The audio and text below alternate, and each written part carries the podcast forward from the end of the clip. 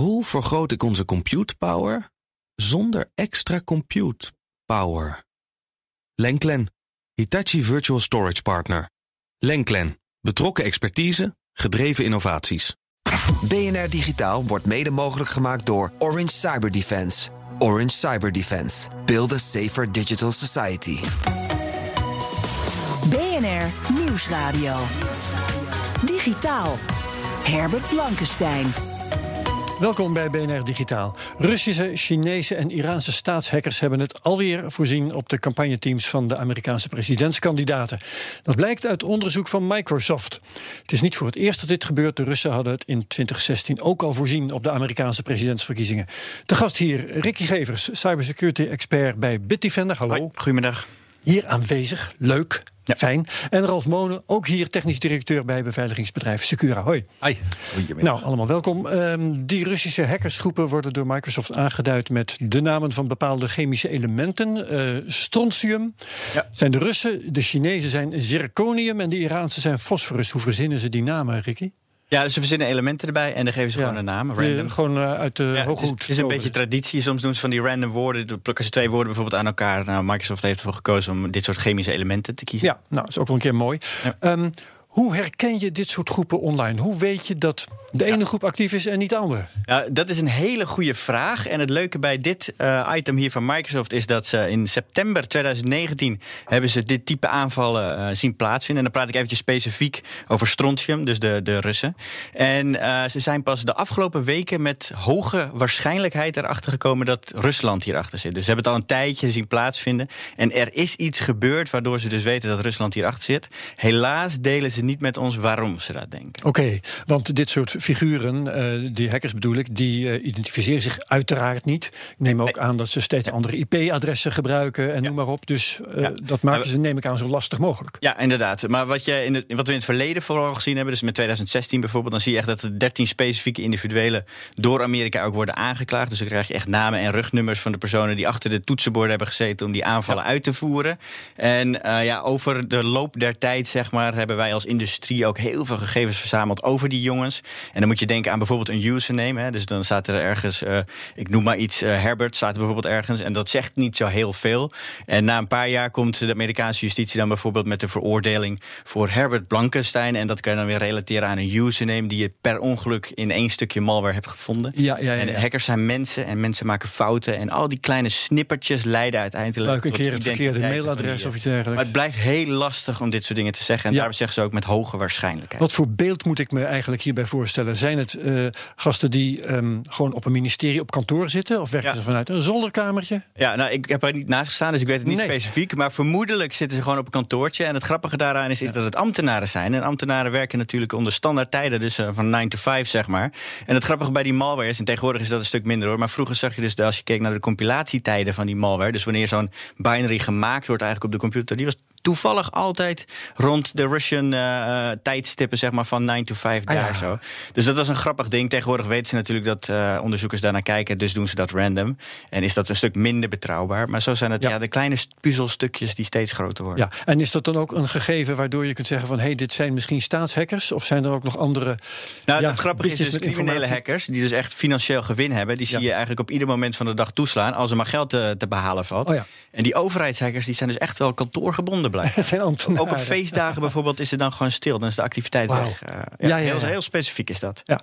Wat voor informatie zoeken ze? Ja, Eigenlijk alles. En dat is een beetje hoe die Russen uh, altijd in elkaar zitten. En de meeste mensen zijn ook wel bekend met dit soort termen. Dat noemen ze dan compromat.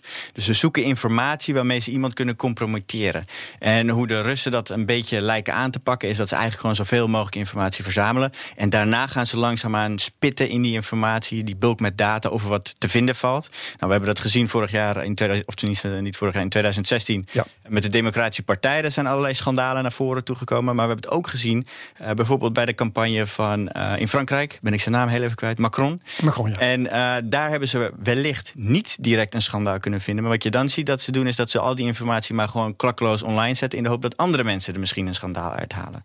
Ja. Dus dat lijkt een beetje de strategie. Gewoon heel veel informatie verzamelen en daarna kijken of je wat kan vinden. Ja, gaat, gaat het, dus... Ricky, gaat het niet ook om uh, um, zeg maar de namen van die mensen die allemaal met die campagnes verbonden zijn, om die te kennen, zodat ze weten wie ze onder druk moeten zetten over en hoe ze op social media moeten gaan manipuleren en zo. Het zijn toch niet, volgens mij althans, uh, alleen maar op zoek naar compromat, maar het is ook echt. Uh, nee, nee, wat ze doen eigenlijk is juist data verzamelen en daarna wordt er bepaald of ze die iets aan die informatie gaan weaponizen en in gaan zetten. En misschien doen ze het ook niet. Dat is ook een heel belangrijk gegeven inderdaad. Ja, ja bewaar dus, het. Voor later. Ja, exact. Voor uh, misschien wel over twee of drie jaar. Hè, ja, ja. Het dus het is de activiteit, uh, de activiteit informatie verzamelen die nu is gesignaleerd. Ja, zoveel mogelijk data gewoon. Uh, dat dan, zoals Ralf zo mooi zegt, weaponizen, er een wapen van maken, dat komt eventueel later. Dat ja. weten we nu nog helemaal ja, exact. En ze, ze, verzamelen die data, vervolgens kijken ze, zit er dus wat in? En dan wordt er strategisch besloten van, gaan we het inzetten of gaan we het niet inzetten? En op welk moment gaan we het inzetten? Dat is natuurlijk ook heel erg van belang. Ja, en, en wat, jij wat, zei... Oh, ja, ga je gang. Ja, wat uh, misschien nog eventjes belangrijk is, er wordt heel erg gefocust nu op de Amerikaanse verkiezingen.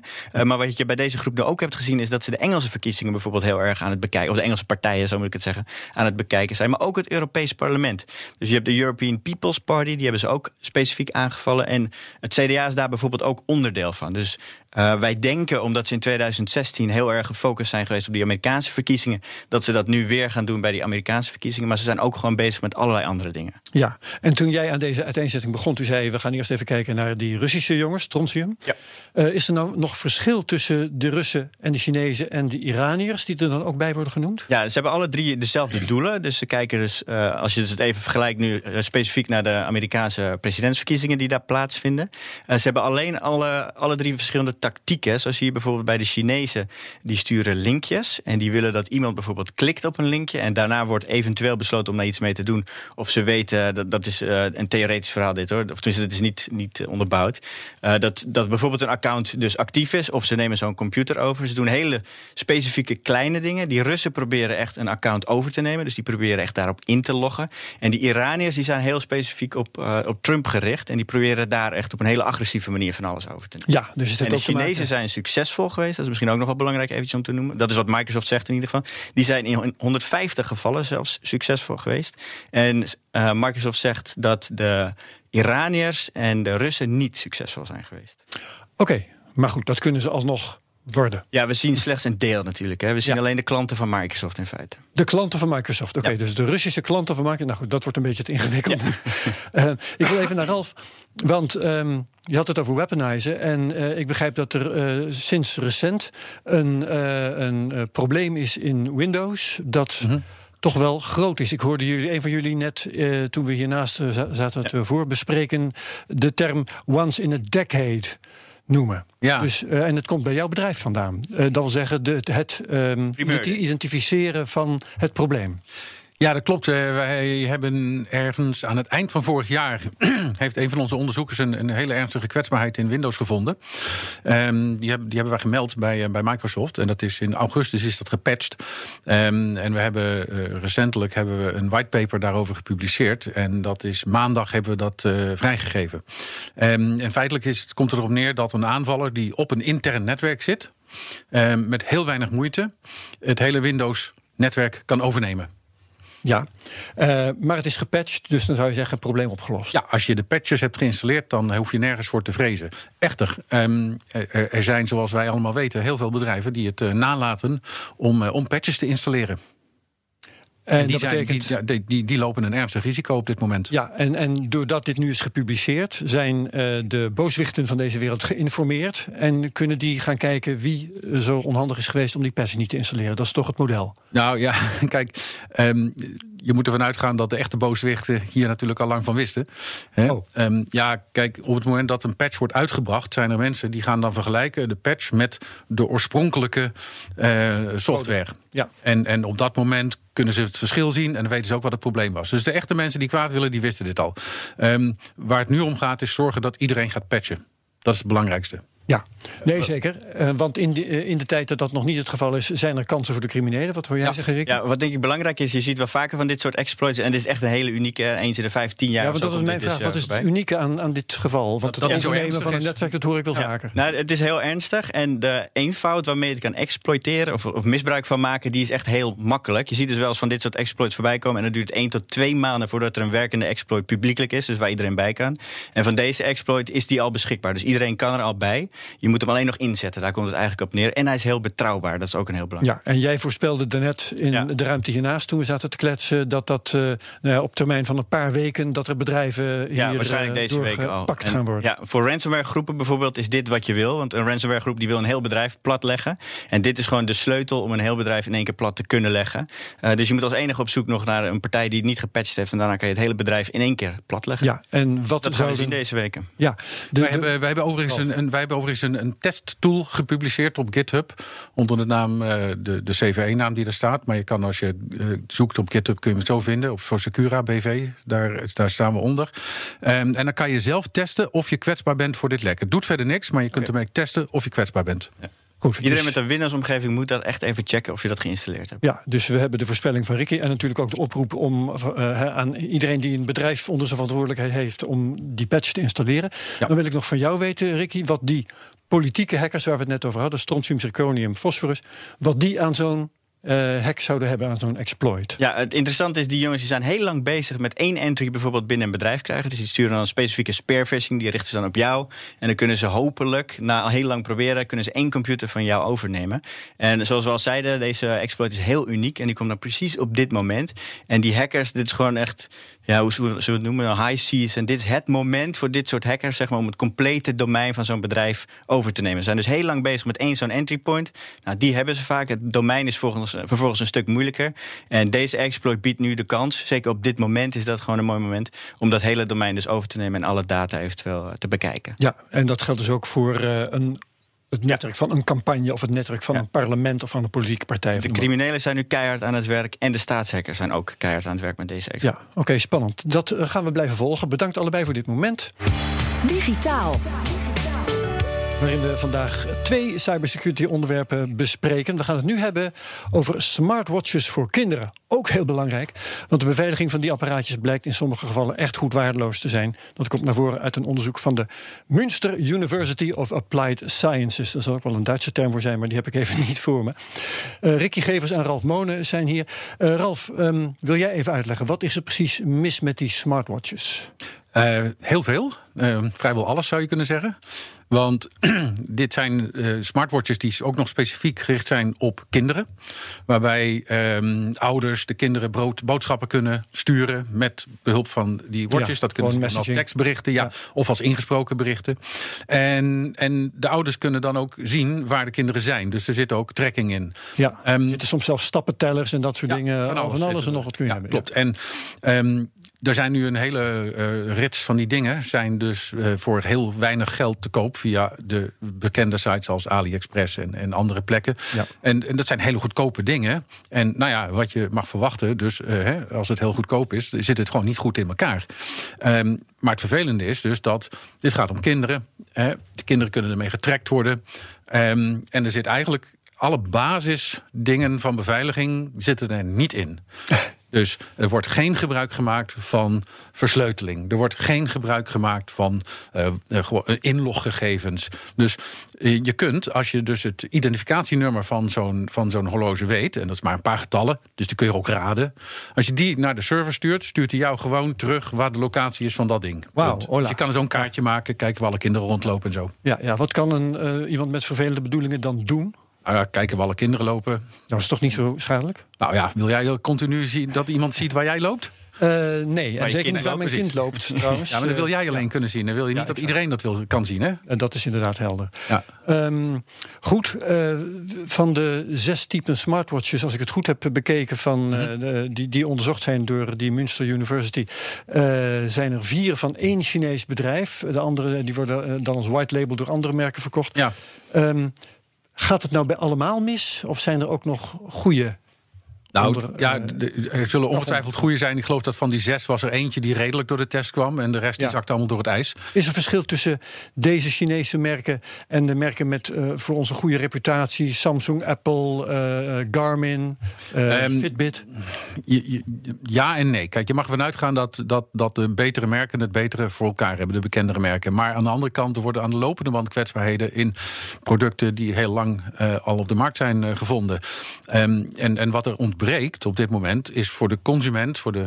eh, gewoon de persoon die het ding koopt, die kan dat aan de buitenkant niet zien. Die kan wel zeggen van blijf bij de grote merken, maar dat is hem ook niet, want ook die zakken wel eens door het ijs. Dus wat je eigenlijk zou willen hebben, is iets van een keurmerk voor Ja. die dingen. Gewoon een stempeltje op die doos, dat als jij naar AliExpress of naar de Mediamarkt gaat... volgens mij. Ja, ja, ja, Of dat het klopt. Eh, aan toe. Ja, nou ja, eh, eh, volgens mij eh, gaat het er wel heel snel aankomen. Er zijn nog steeds diverse initiatieven daarvoor. Alleen wat, wat een beetje ontbreekt is... als je grootschalig dat soort producten wilt kunnen eh, toetsen aan een, aan een normenkader... dan moet het wel kunnen en zin hebben. En nu zijn die technologieën allemaal nog zo anders. Het kan moeilijk geautomatiseerd worden. Het zou veel geld kosten. Die fabrikanten, die, ja, die maakt het niet uit. Want op dit moment maken consumenten hun keuzes ook nog niet... op dat soort aspecten. Nee, klopt. Hè, die kijken gewoon, kost het veel of weinig? Ja, ik heb online even gekeken. Nou, dat niet alleen. Ik heb online gekeken naar eh, tests van dit soort dingen. Ja. eh, Gewoon voor consumenten. En er worden er alleen maar features genoemd. Ja. En niks over beveiliging. Ja, ja, Wat, ja. wat is het prijsverschil tussen die dingen? Weet je dat? Nou, het, is, het gaat van enkele tientjes tot, eh, tot een paar honderd euro volgens mij. Maar, maar zijn de veilige zeg maar vele malen duurder of valt het allemaal mee? Nou, je kunt zeggen dat de, er goedkoper waarschijnlijk niet veilig zijn. Ja, zo werkt het natuurlijk ook wel. ja, dus en, en, en dan zijn de consumentenorganisaties, die zijn hier wel mee bezig. Hè? Dus eh, de, Ja. er is een grote Engelse consumentenorganisatie op dit moment bezig om, een, eh, om zo'n certificeringstraject eh, in elkaar te zetten, waarbij er dan inderdaad zo'n stempeltje opkomt. En die zijn weer onderdeel van een consumentenorganisatie van heel Europa. En die gaan dat misschien overnemen. Ja. Dus er zijn echt wel stappen en er worden echt op dit moment eh, veel aan gedaan. En wat zouden jullie zelf zeggen dat een, een test voor zulke producten zou moeten inhouden? Wat, wat moeten ze voor eigenschappen hebben, op zijn minst? Nou, op zijn minst dat de draadloze communicatie die gebruikt wordt beveiligd is. Ja, dus als het ding wifi of bluetooth gebruikt, dan moet dat veilig in elkaar zitten. Het ding moet eh, eh, geen standaard pincodes of wachtwoorden bevatten. Dus niet 0000, Ingebakken, 1234 ja, of wachtwoord of paswoord of whatever. En de communicatie met de back-end servers, dus waar de data heen gestuurd wordt vanuit dat slimme device, die moet ook beveiligd zijn. Ja. En ik, eh, ik voeg er dan aan toe, eh, het moet eh, eh, geregelmatig geüpdate worden. Hè? Dat is toch ook altijd iets wat er. Ja, nou, dat, dat, dat, dat, dat is, vind ik zelf persoonlijk heel belangrijk, maar secundair aan die andere dingen. Oké, oké, oké. Ja. Jij nog een. Want als hij, als hij namelijk in de basis al veilig is, dan, hè, begrijp je? Ja, dat begrijp ik zeker. Ja. Ja, authenticatie en encryptie is gewoon het belangrijkste. En eigenlijk Ja. moet er gewoon inderdaad een standaard formulier zijn waar die dingen altijd aan moeten voldoen. voldoen. En dat, ja, dat moet je gewoon standaardiseren ergens, Ja. denk ik. Ehm, ik, er was nog een vraag die mij te binnen schoot toen ik dit zat voor te bereiden. Eh, het is leuk om je kind te kunnen volgen. Het is handig om, om te weten waar, waar je kind uithangt. Op zichzelf kun je opvatten als een beveiligingsmaatregel. Mhm. Maar met dit soort dingen wordt het juist weer een risico. Dus eh, wat, wat zeggen jullie? Is eh, het kunnen volgen van je kind, is dat veilig of is het juist een risico? Ik heb geen kinderen, dus ik vind het lastig om in te schatten. Nou, als ik terugdenk aan hoe het was toen ik klein was, toen hadden ouders daar geen behoefte aan om hun kinderen te volgen. Dat was van ga maar buiten op straat spelen. En Ja. eh, je bent om zes uur thuis voor het eten. Dus ehm, ja, ik, ik, ik begrijp dat de wens er bestaat bij ouders.